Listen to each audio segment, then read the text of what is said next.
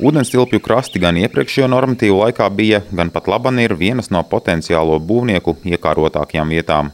Jelgavas novada Kalnciem pagastā pašā Lielupas krastā tādu vietu savam nākotnes namam pirms teju desmit gadiem noskatīja Valentīna Rudenko ar ģimeni.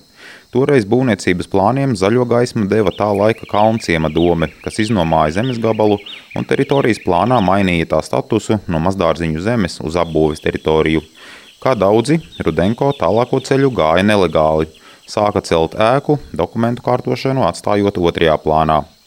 Pirmoreiz pie Valentīnas Rudenko kalnciemā bija jau pirms četriem gadiem, kad ģimene mitinājās pagaidu būvē, bet mājai bija tikai ielikti pamati, iesāks pirmais stāvs un sācies strīds ar pašvaldību. Tagad nekas nav mainījies. Легально у меня электричество. Это все по проекту и все. А это как бы 24 квадратных метра.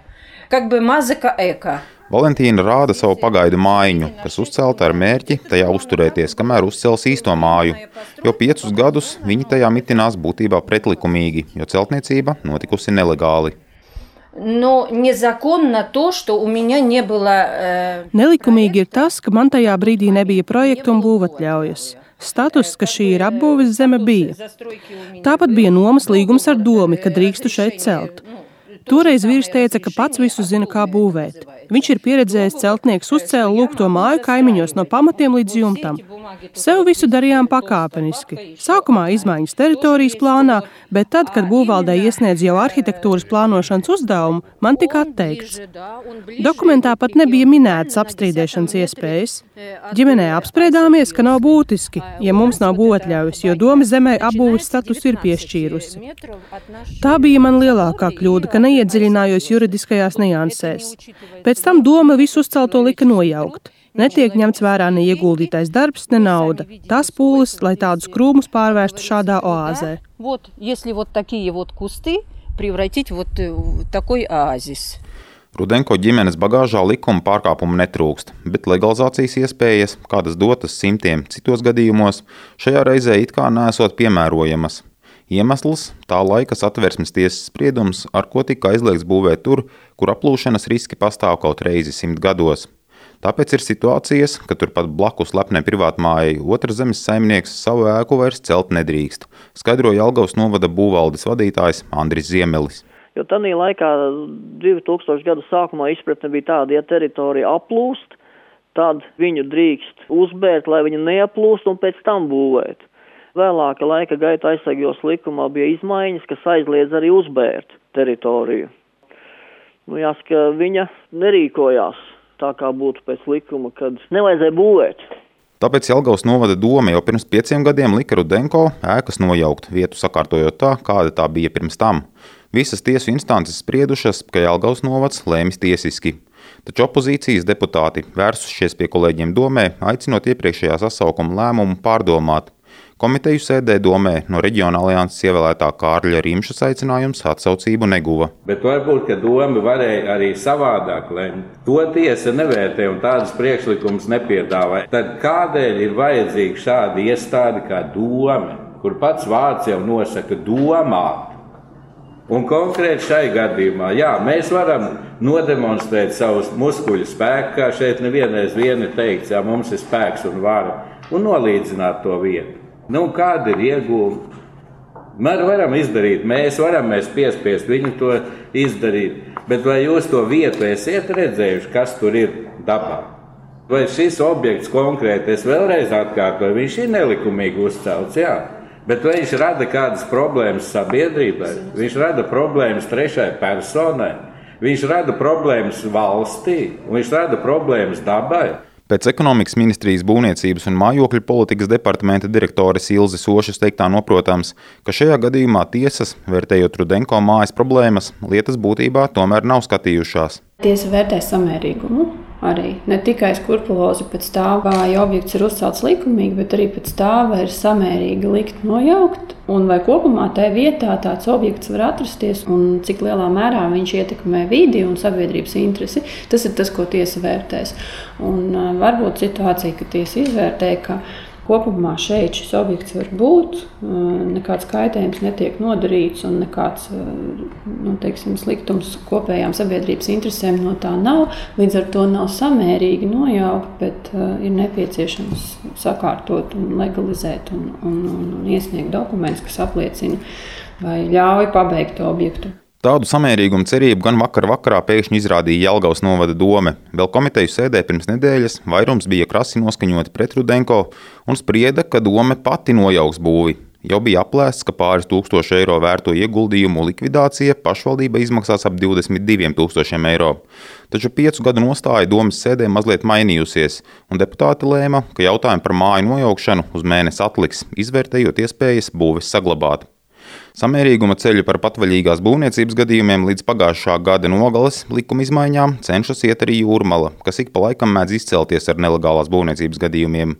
Līdz kāpu apbūvēšanai gan parasti neviens netiek, atzīst Jūrmālas pilsētplānošanas nodaļas vadītāja Vita Zvejniece. Šogad jau 67 gadījumos pašvaldība ļāvusi būvniecību legalizēt, bet desmit situācijas ir tādas, kad īpašums jāatgriež sākotnējā formā. Runa gan nav par ēku nojaukšanu, saka zvejniece. Jūrmalā daudzas no šīm te, ko mēs varbūt ārēji saprotam arī kā privāta mājas, ir vēsturiski veidojušās kā daudz dzīvokļu mājas, tur ir vairāk dzīvokļu. Jā. Viens ir nedaudz pievienojis no koridora, otrs kaimiņš saka, ka viņš tam nepiekritīs. Jā. Vēl pēc mēneša viņš atnāk jau ar vēstuli, kur visi kaimiņi man tomēr piekrita, ka es varēšu to savu šķūnīti vai kambarīti pie mājas saglabāt. Jā. Nu, tie ir vairāk, kur ir tiešām šie dzīvokļu īpašumi, kur kāds ir kaut ko pārbūvējis un, nu, ja kaimiņi nav vienojušies, Jo pēc dzīvokļu īpašumiem kaut ko palielinot, tad ir nepieciešama simtprocentīgi pārējo piekrišana. Arī Jūrmālas aizsardzības biedrība, kura viskaļāk reaģē uz nelikumībām kāpu zonā un citviet, atzīst, ka doma līdz šim pret nelegālo būvniecību bijusi samērīga. Biedrības vadītājs Guntis Grūba stāsta, ka Jūrmalā mēdz būt tādi gadījumi, kad pašvaldība būvatļauju izsniegusi komercobjektiem, bet tiesa vēlāk lemj, ka tas bijis nelikumīgi taču privātajā sektorā kliedzošu gadījumu nesot. Turpina grūba. Un e, Jūrmālas domas praksē es esmu ievērojis, ka ļoti bieži tiek pieņemt lēmumi domas sēdēs par būvniecības radīto seku novēršanu. Tas ir tajos gadījumos, kad to ir izdarījuši privāti īpašnieki patvaļīgi būvējot, piebūvēt šūnīti, palielinot stāvu skaitu vai apbūves blīvumu, intensitāti un tā tālāk. Jūrmā tomēr man liekas, ka pašvaldība ir, ir tomēr tāda pretīm nākoša, ievērojot samērīgumu. Pērn visa gada laikā Jūrmalā atļauts legalizēt septiņus nesaskaņotus būvniecības gadījumus, bet šogad to ir jau teju 70. Tāda kāpuma iemesls galvenokārt ir nevis strīdnieku kaimiņu sūdzības, bet būtiski uzlabotais būvniecības likums. Tas liek būvvaldes inspektoram jau dokumentu kārtošanas sākuma stadijā apmeklēt vietu, kur īpašnieks plāno kaut ko darīt. Tad arī atklājas, ka šķūnītis patiesībā ir jau uzcelts. Kā stāsta ekonomikas ministrijas būvniecības un mājokļu politikas departamenta direktore Ilze Oša, būvvaldes neiesniedz atskaites par to, cik kopumā ēku likts nojaukt vai citādi rīkoties, lai īpašumu atjaunotu tā sākotnējā izskatā. Taču ir ziņas par patvaļīgas būvniecības gadījumu skaitu. Nelegāla rīcība tiek konstatēta gandrīz katrā trešajā reizē, jeb līdz 30% gadījumu no visiem. Patvaļīgās būvniecības jautājumu sadala divās daļās. Viens, kas ir un kas veido pamatu māsu, patvaļīgā būvniecība ir uz salīdzinoši maziem, nelieliem objektiņiem iepriekšējā periodā, kas bija dārgi. Tas varētu būt viens no cēloņiem. Protams, tas neattaisno likuma neievērošanu, bet tas var būt viens no cēloņiem, kāpēc cilvēki kaut ko ir izdarījuši bez dokumentiem, tādēļ, ka tas process bija ilgs un dārgs. Tas, ko mēs ar jauno likumu eh, noteicām, ka būvniecības sadalījuma trīs grupās, kur pirmā grupā pilsētās ir līdz 25 kvadrātmetriem, apbūves laukums ārpus pilsētām līdz 60. Un šai pirmajai grupai ir vienkāršota procedūra. Tas nenozīmē, ka nav vajadzīgs nekas, bet tas nozīmē, ka nav vajadzīgs būvprojekts, ka tur netiek izsniegta būvotļauja. Līdz ar to tas viss sarežģītais un dārgais process. Otrs patvaļīgās būvniecības gadījums ir komercobjekti un privāti mājas, īpaši iekāroto ūdeņu krastu vai kāpu zonās. Jaunais likums pielicis punktu iespējai, ka pašvaldības un tiesas atšķirīgi interpretē normatīvus. Kopš pērnā rudens patvaļīgi celtās ēkas visos gadījumos būs nojaucamas bez ierunām. Vai tādas mājas šogad jau gadījušās pašvaldību inspektoru rokās, pagaidām ministrijai ziņu nav. Pašvaldību savienības padomnieks Aino Salmiņš jaunajā regulējumā saredz arī problēmas. Jaunais regulējums vēl nav aprobēts šajā lietā. Jā, tā saucamo patvaļīgo būvniecību nevar legalizēt.